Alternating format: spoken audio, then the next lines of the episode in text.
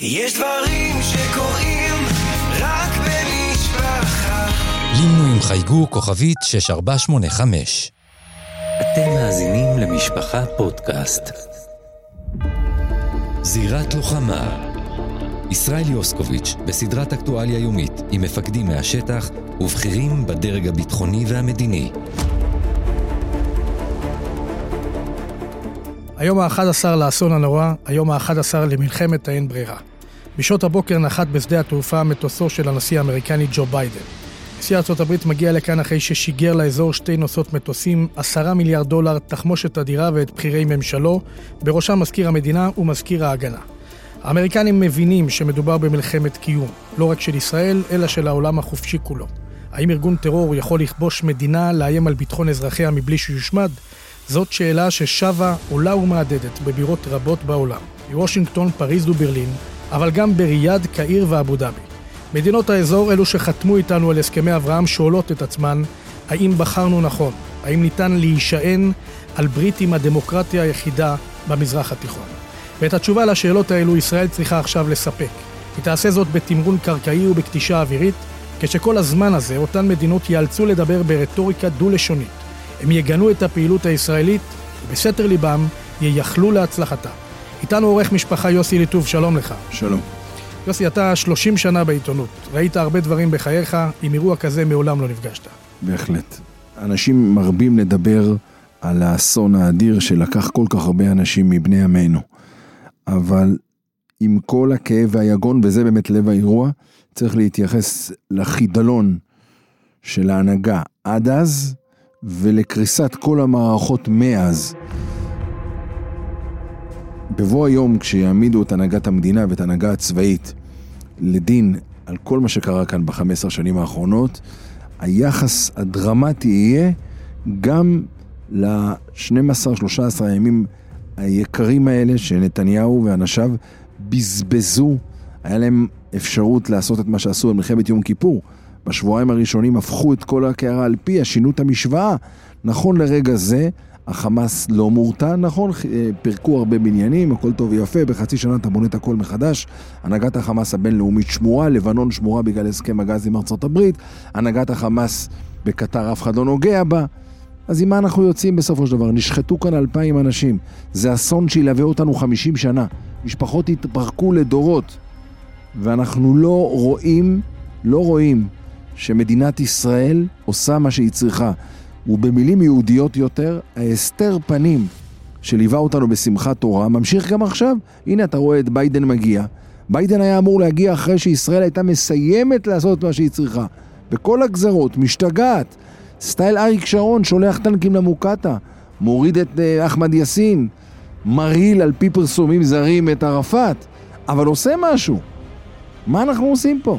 מביאים את האמריקאים שיחזיקו אותנו, מביאים נושאת מטוסים שתעשה פעלולים כדי שנמשיך להכיל את החמאס ונחכה למה? נחכה שהגזרה בצפון, היה לו תהיה, תיפתח עלינו? כן, ובנוסף לכל זה כמעט שבועיים חלפו מאז האסון, שואה ממש, משפחות שלמות התפרקו, אה, נטבחו, ואני רוצה לשאול אותך, אתה יודע, איך אתה מסביר את המעבר המהיר כל כך של העולם מהזעזוע, ממה שקרה אצלנו, לביקורת על פעילות ההגנה של צה"ל? אני לא בונה אף פעם על חוש הצדק של העולם. אני יכול להגיד לך שבאחד הפעמים, בתחילת שנות האלפיים, נראה לי באינתיפ... באינתיפאדה של תחילת 2000, שאריק נהיה ראש ממשלה בינואר 2001, אז הוא קרא לי איזה ערב, הוא אמר לי, תסתכל מה קורה פה, כל יום מתקשר פה איזה מנהיג אחר בעולם שרוצה לתת לי עצות, מה לעשות. אני אומר לכל אותם מנהיגים, יש זמן לשמוע מכם עצות ויש זמן לעשות מה שאנחנו מבינים. עכשיו זה השלב שאנחנו עושים. יבוא יום ונשמע מכם עצות. אני חושש, ואני חייב לומר זאת בזהירות, אבל אין לי, אין לי כלים אחרים חוץ מלקרוא מבין השורות ולשמוע את הניואנסים ולראות, אני חושש שביידן ונתניהו סגרו ביניהם דיל גדול, תרצה נקרא לו דיל סעודיה. במסגרת הדיל הזה, ביידן צריך להיבחר כהונה שנייה, נתניהו צריך להימלט מצרותיו הפוליטיות המשפטיות. הם לא מוכנים לוותר על סעודיה.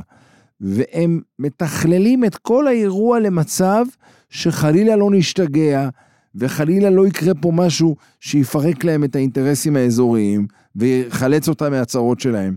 והם לא מבינים את גודל השעה שכולנו צריכים להניח את הכל בצד. העם הזה חטף מהלומת מוות, ואתה רואה שההנהגה לא מבינה את האירוע. אז לשבחו אפשר לומר שאולי נתניהו מוכה הלם, סוג של יצחק רבין מששת הימים, אני לא יודע. אבל ברור לי שכאשר שלשום בקבינט מביאים לו הצעה ליירט את אחד מהמנהיגים הגדולים, שאנחנו, השם שלו מוכר לכולנו, והוא מטרפד את זה, כי הוא לא רוצה לעצבן. זה הזמן לעצבן, זה הזמן לייצר הרתעה למאה השנים הבאות. אין לנו כל שנה לאבד אלפיים אנשים. ואת זה נתניהו לא מבין, אני לא יודע מי יכול לבוא לנענע אותו ולהגיד לו, תתעורר, תתעורר. יש לך הזדמנות פז שלא הייתה לך מ-1948. בששת הימים לא הייתה את ההזדמנות הזאת. לייצר גבולות חדשים. מי אומר שזה לא הזמן להיכנס אל לבנון? לעשות משהו נועז. עכשיו, אני לא, אני איש צבא מאוד קטן, אבל יש לי שכל של בריא של יהודי. שלא קורה כלום אנחנו רואים. ספרנו עוד שעה, חלף עוד יום, עוברת עוד ישיבת קבינט, אתה רואה המון פוליטיקה, המון מחשבות. החולצה השחורה של ביבי סטליה הירוקה של זלנסקי. כניסת שרים לממשלה כדי להפיל עליהם את התיק. נטרול טוטאלי של גלנט ואלי כהן, למה? כדי לקדם את אנשי שלמה של צחי הנגבי ורון דרמר. וכל מיני שטויות על הבלים, את מי זה מעניין? ועוד נכנסים לך עסקנים מהליכוד בימים שהוא לא היה אמור לראות איש משפחה. ואתה יודע מה, גם בימים הראשונים אומרים לך, הגברת מסכימה לזה, הגברת לא מסכימה לזה. על זה לבד הוא היה צריך להיות מודח. נערות של דם נשפכים בארץ ואתה שואל את אשתך מה משתלם לה ומה לא, מה, מה, מה הדבר הזה? עכשיו, כשאני אומר את הדברים האלה, אומרים לי, יוסי, אתה כותב שנים נגד נתניהו. אני באופן אישי הייתי משתוקק לאהוב את נתניהו. הוא, הוא, איך אומרים, הוא קשור למחנה שלנו יותר מכל אחד אחר. אני לא יכול לקבל את השבתאות שהשתלטה על אזורים שלמים בעם הזה, שמוכנים לוותר על כל הדגלים, מוכנים לרמוס את הערכים הכי חשובים, כדי ללכת שבי אחרי שבתאי צבי של הדור הזה.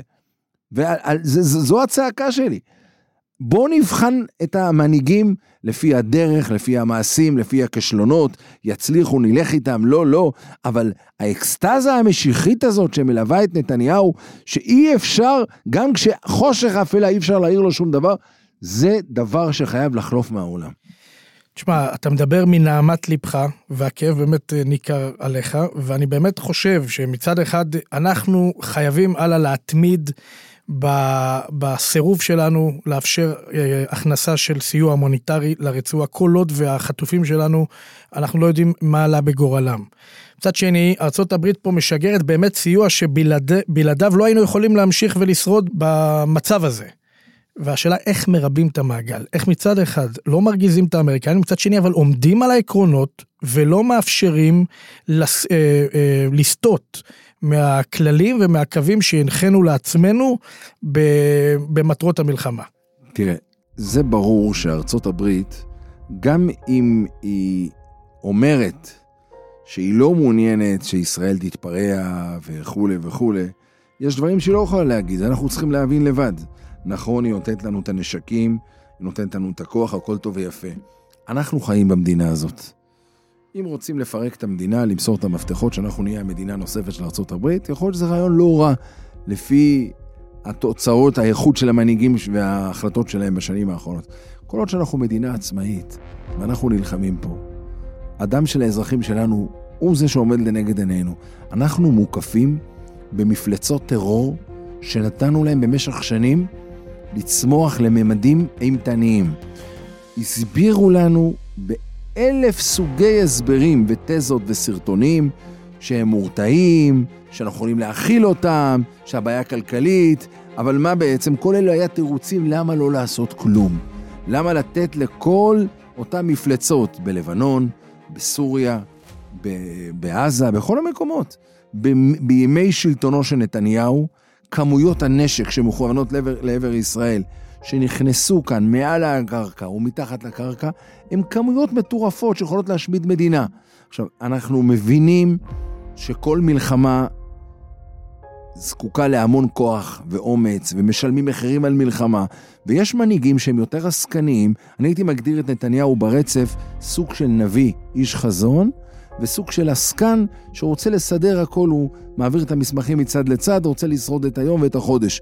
שים לב הרי, ב-14 שנים האחרונות, שום דבר אמיתי לא קרה. היו לו הזדמנויות לסיים את כל האירוע בלבנון. האירוע בלבנון יהרוג אותנו. היה לו אפשרות לגמור את העניינים בחמאס. כל פעם שמתחיל סבב, הפעולה הדרמטית שיש בלשכת ראש הממשלה זה לרוץ למצרים ולסעודים ולאמריקאים ולהתחנן על הברכיים שהם יפסיקו. תגיד לי, אפשר בכלל לנהל סוג של אקט של קרב בשפה כזו חלמאית, תבוסתנית? זה הכל קודים שנתניהו הביא לשולחן.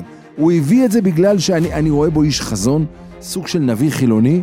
הוא לא מנהיג, הוא מעולם לא הוכיח אומץ, ולצערי, הוא חייב ללכת הביתה. כל רגע נוסף שהוא נשאר בשלטון, החורבן הזה הולך ומעמיק, ישועה לא תבוא ממנו. תראה, אין ספק באמת שהוא אבי הקונספציה של לתת לחמאס אה, בעצם אה, לחיות מסבב לסבב ולהעריך את ההפוגות ומזוודות הכסף וכולי. אבל צריך להגיד ביושר שכולם אמרו אמן על, ה, על הקונספציה הזאת, בין בני גנץ, גדי איזנקוט כרמטכ"ל. ישראל, אתה צודק, אתה יודע למה? כי יש פה שילוב. יש פה בין המבנה המנטלי של נתניהו לבין תפיסה צבאית שבעצם צמחה כאן אחרי מלחמת שלום הגליל, שישראל שילמה אז מחיר מאוד יקר. ואחרי מלחמת אה, לבנון, אחרי שישראל יצאה מלבנון בתקופתו של אהוד ברק, שהצבא עשה הכל לא להגיע לקרב. ובאמת בנו כאן תזות שלמות ותפיסות עולם שלמות שיעדם היה אחד. איך לא להגיע למצב שאתה בסוף פותח את, השעון ויוצא לה על מלחמה. פעם אמר לי אריק שרון, משפט בימי ההתנתקות, משפט מאוד קשה. הוא אומר לי, הסיבה האמיתית שאני יצאתי להתנתקות, אני לא מאמין איתם בהסכמים, אני חושב שהם יבואו עלינו עוד הפעם. אני רואה את האיכות של החיילים, אני רואה את האיכות של המפקדים, אני לא חושב שאיתם אפשר לנצח את הקרב. יכול להיות, זה, זה לימוד זכות שיש לי, יכול להיות שנתניהו כל כך לא האמין בדרג, בפיקוד של צה"ל ובמפקדים ובחיילים, עד כדי כך שהוא לא העמיד אותם למבחן אמיתי אף פעם. כל פעם נכנסים לכמה ימים ובורחים, ומתחננים לצאת בהסדר. הרי באמת הוא יודע, הרי ביבי יודע מה יש במנהרות ובבונקרים ב- בלבנון. הוא יודע שזה כמויות שיכולות להעביר את כל הארץ. וכל יום נהיה יותר חמור. את הניתוח הזה צריך כבר לעשות. בטח אחרי שראינו מה אנחנו שווים בגבולות ועד כמה התעוזה שלהם. עכשיו, האיראנים יושבים ומשחקים איתנו.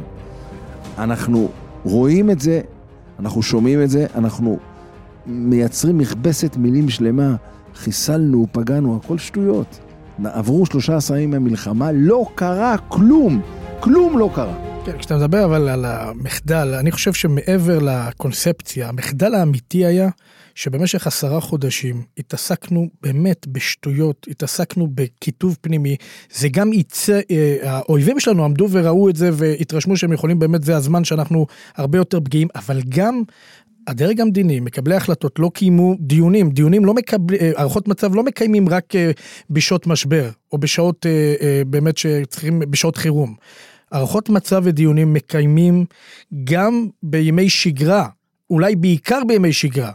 אני אגיד לך משפט מאוד קשה, ואותה אני מכוון אלינו החרדים. אנחנו בעצם את הממשלה הזו הקמנו בסוג של דיל בינינו לבין נתניהו. הדיל אמר ככה, מצאנו מנהיג שהוא מיעוט כמונו, שנרדף על ידי האליטות כמונו, ואמרנו ניקח את הצרות המשפטיות שלו והוא יהיה בן הערובה שלנו, הוא ייתן לנו את כל מה שאנחנו זקוקים ברוח ובגשם, בממון ובחוקים, ואנחנו ניתן לו להתל בנו ולעשות מה שהוא רוצה. נתניהו במסגרת הדיל הזה שהוא קיבל את הגב האדיר של החרדים והימין הדתי, בעצם שיחק במדינה כאילו מדובר במונופול הפרטי שלו. מינה אנשים סביבו שלא מתאימים לשום תפקיד. אני מכיר 25 שנה לשכות של ראש, ראשי ממשלה. אף פעם לא היה חומר אנושי כל כך זול וירוד ולא מקצועי כמו זה שמקיף את נתניהו. אגב, אני לא פוגע אישית ואני לא אומר שמות, אבל תפתחו את השמות ותבדקו מי עמד ליד אריק, ומי עמד ליד אהוד, שני האהודים, ומי היה ליד, שלא נגיד ליד שמיר, ומי... סתם. אפילו לפיד ובנט, שאנחנו במגזר אוהבים ללעוג להם. הוא הלך מינה שרים למשרדים בידיעת זדון ברורה, שאין להם שום התאמה לתפקיד שלהם, מעבר לכך שזה משרת את התפיסות המעוותות שלו ושל המעגל הקרוב לו, לפגוע בזה ולסדר את זה וכו' וכו', ואנחנו רואים את השרים עכשיו. מקרעי ועד דודי אמסלם, עם כל הכבוד, אנחנו רואים איך הם מתפקדים בשבועיים האחרונים. ברור לנו שגם הוא לא חלם שהם מתאימים לתפקיד, לתפקיד שלהם. זאת אומרת, הסדר יום הוא סדר יום של מנהיג שכל המדינה מסתובבת סביבו, ואנחנו חרדים אמרנו, אנחנו פטורים מהאירוע, הוא ייתן לנו את חלקנו ואנחנו ניתן לו לעשות מה שהוא רוצה. מה הייתה התוצאה הסופית? השם ישמור, מוצאי בוקר שמחת תורה. אנחנו יכולים להגיד שגם ידינו לא שפכה את הדם הזה. אנחנו יכולים להשתחרר מהאחריות שנתנו לו גב לעשות מה שהוא רוצה, גב לעיוורון, גב לטרלול, גב לפגוע בבעלי נושאי תפקידים, כי הם לא שירתו אותו, כי מישהו מבני משפחתו ההזוי חשב שהם, שהם לא בדיוק משתלבים, כאילו אין מדינה. יש כאן מנהיג, כאילו, לא אגיד לך דיקטטורה, אבל סוג של מנהיג שהכל מסתדר סביבו. ואנחנו החרדים, מה אמרנו? נשתתף בביזה, ניקח הרבה שרים, הרבה מנכ"לים, הרבה ח"כים, ונחגוג ונשמח, ושיתפוצץ שמחת תורת תשפ"ד, זה יתפוצץ בנו בפנים. הקרקס הזה עלה לנו יקר מאוד. אנחנו מאלו שנתנו לו את הכוח ואת הדלק להרים את הקרקס הזה. ולכן מה שהיה עד היום לא יהיה אחרי הסיפור הזה. גם המפלגות החרדיות ישלמו מחיר על הגיבוי העיוור שהם נתנו, כשהם מדברים איתנו בשיחות סגורות ואומרים שהם לא מאמינים מה שהם רואים, אבל העיקר השלל מגיע. ואני שואל אותך שאלה, מה שייך יותר לנו כחרדים וישראלים? עולם הישיבות או החיילים שמתים? שניהם שלנו. מה, הצבא זה פחות שלנו מהתורה? הייתה לך תשובה יותר אה, מבחינתי. אנחנו בשמחת תורה תשפ"ד, נוכחנו לראות שאנחנו באיום קיומי. אני חושב שאחרי 150 שנה מאז הרעיון הציוני, זה האיום הכי גדול שעמד עליו, הרבה יותר מלחמת יום הכיפורים שהתנהלה בחזית. אנחנו, העורף שלנו היה חשוף במשך שעות ארוכות, לא הגיעו כוחות הצלה, המדינה לא הייתה שם כשהיו צריכים אותה, וכעת אנחנו במלחמה על הקיום שלנו, ואני רוצה באמת לשאול אותך, האם יש סיכוי להחזיר גם את התושבים למקום ההוא ולתת להם שקט, ביטחון, לתת לכולנו שקט וביטחון. האם המכה הזאת שחטפנו, אנחנו מסוגלים באמת להתמודד איתה? או שלא יודע, מבחינתי, אם, אם, זה, אם המדינה לא מסוגלת לעמוד עם, עם מכה כזאת, אז הגיע זמננו לארוז פה. אני אגיד לך משהו. לצד באמת קריסת ההנהגה הצבאית, המדינית, הפוליטית, גם אגב הממשלתית, אתה רואה את האנשים שצריכים שירות, אנשים שהתפנו, אין עם מי לדבר, אין מה לדבר. אמרו אנשים של בן גביר, שמי שיגיש בקשה לרישיון נשק עם התנאים, יקבל את ה... תוך 24 שעות, 48 שעות. אני אספר לך על מאות חברים שמגיע להם לפי הקריטריונים הכל, אפילו לא מגיבים להם להודעות. שום דבר אמיתי לא עובד במדינה הזאת. המדינה הזאת זקוקה לטלטלה מהקצה לקצה. אני לא מאמין שכמעט אף אחד מהשרים שמכהנים היום יכהנו בממשלה החדשה אחרי המלחמה. הם חושבים שהם יכהנו. כשהם יפגשו מיליון אזרחים, ברחובות, שיספרו להם את המתים יום-יום, הם יבינו שהם יעדיפו לרדת למחתרת מאשר לברוח מהמדינה. הם כבר יבינו שהם לא יוכלו להישאר בפוליטיקה. אתה שואל אותי, מה, מה יקרה פה? העם הזה מאוד חזק, ואני לא אומר את זה כסיסמה בנטית כזאת שהעם חזק. אני מסתובב בבסיסים, ואני רואה, העם הזה בנוי טוב, העם הזה בריא. 240 אלף ישראלים חזרו בשבוע האחרון לארץ להשתתף בלחימה. היום בא אליי אחד היהודים העשירים בעולם בתחנונים, שאני אשכנע את הבן שלו לצאת מיחיד, מיחידת דובדבן. כי הוא רב איתו, כי הוא, הוא שיקל בן אחד והוא לא מוכן לשקל עוד בן. לא, לא, לא שיקל אותו במלחמה, אבל הוא לא מוכן. והבן הזה אומר לו, אבא, בשביל מה נבראנו אם לא להילחם לשמור על העם הזה? זאת אומרת, יש לנו עם בריא, עם חזק ועם טוב. יש לנו מנהיגות תבוסתנית, מנהיגות שלא שווה כלום. ו... אני רואה את העם הזה לוקח את המושכות לידיים. יצמחו פה מנהיגים מתוך הציבור, מתוך העם. אנחנו אומרים, לא יהיה ביבי, יהיה ניר ברקת. לא יהיה בני גנץ, יהיה... זה לא יעבוד ככה. יהיה תהליך ניקיון רחב, ובמיליון אזרחים שירדו לרחובות יהיו המוני חרדים, והמוני דתיים, והמוני מתנחלים, שיגידו, אנחנו לא מוכנים יותר לתדלק את הקרקס הזה. הקרקס הזה, שילמנו עליו מחיר דמים יקר מאוד. תהיה פה ממשלה קצרה של 15 שרים, של אנשים שיהיו מותאמים לתפקיד, לפחות מי שממנה אותם יחשוב שהם מתאימים למלא את התפקיד נכון. אנשי הצבא, יהיה ניקיון ארוך מאוד. כבר הזכיחות הישראלית שנעלמה ביום כיפור, ו-20 שנה לקח לנו להשתחרר מיום כיפור, 30 שנה ייקח לנו להשתחרר מהאסון הזה. אני יכול להגיד לך שאתמול הייתי בביתר עילית, ובשעה 12 בלילה הייתה תהלוכה מכפר נחלין ששוכן למרגלות ביתר. הגיעו קרוב ל-700 איש לגדר. אתה חושב שהיה שם כוחות ביטחון שעטפו אותם? אחרי 20 דקות הצליחו להביא איזה שבע שלימזלים שיוציאו נשקים שעובדים או לא עובדים והתמודדו מולם. אני אומר לך, אני הייתי בח... בזירה. נס שהם לא החליטו לפרוץ פנימה. כי אם הם היו פורצים פנימה, אף אחד לא היה עוצר אותם. יש משהו חולה בכל התפיסה הביטחונית הישראלית. אני לא יכול חלילה ללעוג לאף איש ביטחון, אבל אני כן יכול להגיד שהצבא שלנו הפך להיות לאסופה של מקבלי משכורות והרבה טכנולוגיות סייבר. בסוף אתה צריך לוחמים חזקים, איך נראה לך, עזי נפש, שיילחמו, שלא לתת לתפיסת שלום עכשיו, שבעצם לקח את הצבא ועקר את כל הזה שצבא זה צבא לוחם, ובמקום זה הוא יהיה צבא שיעשה הרבה סדנאות. אין, אנחנו חייבים צבא לוחם, וצריך לא להירתע ולשלם מחירים שצריך. מה לעשות? להיכנס אל לבנון. היו לנתניהו 13 ימים שהוא היה יכול להביא שקט למזרח התיכון. היה מסיים עם לבנון את החלק הארי, מסיים עם עזה, פוגע בהנהגת החמאס בקטר, ואני יודע מה שאני אומר ואני לא יכול להרחיב יותר. פוגע בהנהגת החמאס בקטר, לא עונה לאף מנהיג בטלפון. משתגע ומייצר כוח הרתעה אדיר. במקום זה אנחנו נראים כמו ילדים שהובאנו לאיזה משפחת אומנה, כי האבא והאימא לא מתפקדים כל כך, אז אנחנו עכשיו באים הדוד מאמריקה והדוד מאירופה לאסוף אותנו. עם אילו הפנים שלנו, איך הסתכלו עלינו כל השכנים השטנים האלה, הנאצים, מעזה, מלבנון, מסוריה, השם ירחם. מלחמת לבנון הראשונה, אני רוצה לחזור איתך לשם, כי שם ישראל הגיעה עד ביירות, ובסוף היא חשבה שהיא תיסוג לאחור אה, מיד בתום המלחמה, או לפחות ככה הבטיח אה, שר הביטחון אריק שרון, היא, בוססה בבוץ הלבנוני 18 שנה, עד לנסיגה אה, המלאה.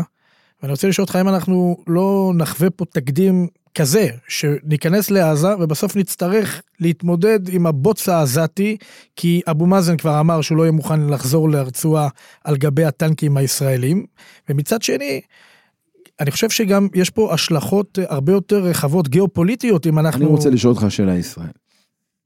אנחנו מכירים את הנהגת החמאס. מיחיא סינואר ואחרים. הם מתהלכים חופשי, כי מישהו הבטיח להם שלא יפגע בהם. זה, זה לא קרה שנה ולא שנתיים, אלא זה קרה בכל השנים האחרונות. אנחנו אפשרנו לקטרים להעביר כסף. אנחנו נתנו להם להתעצם בעוצמות מטורפות. המפלצת הזאת רשומה על הידיים של ההנהגה הצבאית, הביטחונית והפוליטית של ישראל בשנים האחרונות. עכשיו, אני אין לי תוכניות, אני לא גנרל. אני לא יודע לומר האם צריך להיכנס וכמה להיכנס, והאם מהאוויר או לא מהאוויר, אבל אני כן מדבר עם אנשים שיושבים בקבינט, אנשים שקשורים למקבלי ההחלטות. ואני מבין מה עולה לדיונים, מה דוחים, וכל הדברים האלה, ואתה קולט משהו אחד. נתניהו ממשיך עם מדיניות ההכלה שלו. הוא לא רוצה להכריע. הוא אין לו את הכוחות הנפשיים לשלם את המחירים של כניסה למערכות כאלה. אהוד אולמרט שהוריד סיירת מטכ"ל ליד דמשק, ידע את הסכנה שיש בעניין. כשמנחם בגין שולח מטוסים להפציץ בדמשק, הוא מבין שהם יכולים לא לחזור. כשאריק שרון שולח טנקים להקיף את המוקטעה ושולח אנשים על פי פרסומים זרים להרעיל את, את ערפאת, הוא מבין מה המשמעויות, אבל הוא יודע, מי שרוצה להנהיג את מדינת ישראל, לא יכול להיות לפלף. אם אתה רוצה להיות איש חזון, מרצה, דובר, מדינאי, כל התכונות מפתח של נתניהו, לך באמת תנאם בכל המקומות. מנהיג זה עשוי מחומר אחר. אז הוא תפס אותנו, הוא לקד אותנו, ואנחנו בתפיסה המשיחית השבתאית, העמדנו אותו במרכז על חשבון הערכים שלנו. זה התפוצץ אצלנו בשמחת תורה. אני שומע עדיין חרדים שפחות מדברים איתי על הנופלים ויותר, אבל מה יקרה לביבי? מה יקרה לביבי? זה, זה, זו, זו תפיסה חולנית. אני זוכר שבאחד הפעמים שישבנו עם ביבי, הוא אמר, הוא אמר לנו באוף רקורד, לעיתונאים חרדים את המשפט הבא, אומרים לי שאם אני אעשה פריימריז מול כל האדמו"רים שלכם, אז אני אנצח גם את האדמו"רים שלכם. אני התביישתי להגיד שהוא צודק. הוא כל כך אכל לנו את הראש והשתלט עלינו, שבאמת, אני רואה שאני, פוגשים אותי אנשים במקווה ובבית כנסת, הם מוכנים שתכתוב על כולם, רק אל תיגע להם בפרה הקדושה שנקראת נתניהו. שאם הפרה הזאת הייתה לפחות לא מזיקה לנו, בסדר, עוד איזה ג'וק. אבל יש גבול. עכשיו תגיד לי לסיום, מה, מהבחינה הכלכלית, אנחנו, איך אנחנו לדעתך אמורים לצאת מכזה אירוע שהוא אירוע מתגלגל ומתמשך, שייקח, כמו שגורם ביטחוני השבוע אמר, אה, חודשים ואולי שנים. איך, איך נראה לך שהמדינה יכולה לשרוד כלכלית עם אירוע כזה? ברור שאנחנו הולכים לאירוע שהוא יתנהל בצורה הבאה. יהיו חודשיים שלושה קשים, אחר כך יהיה עוד איזה שנה של אירועים מתגלגלים, כך אגב היה במלחמת יום כיפור. 18 ימים ועוד שמונה חודשים ועוד כמה חודשים. אבל אחר כך יבוא הבום הכלכלי. כי ככה זה עובד.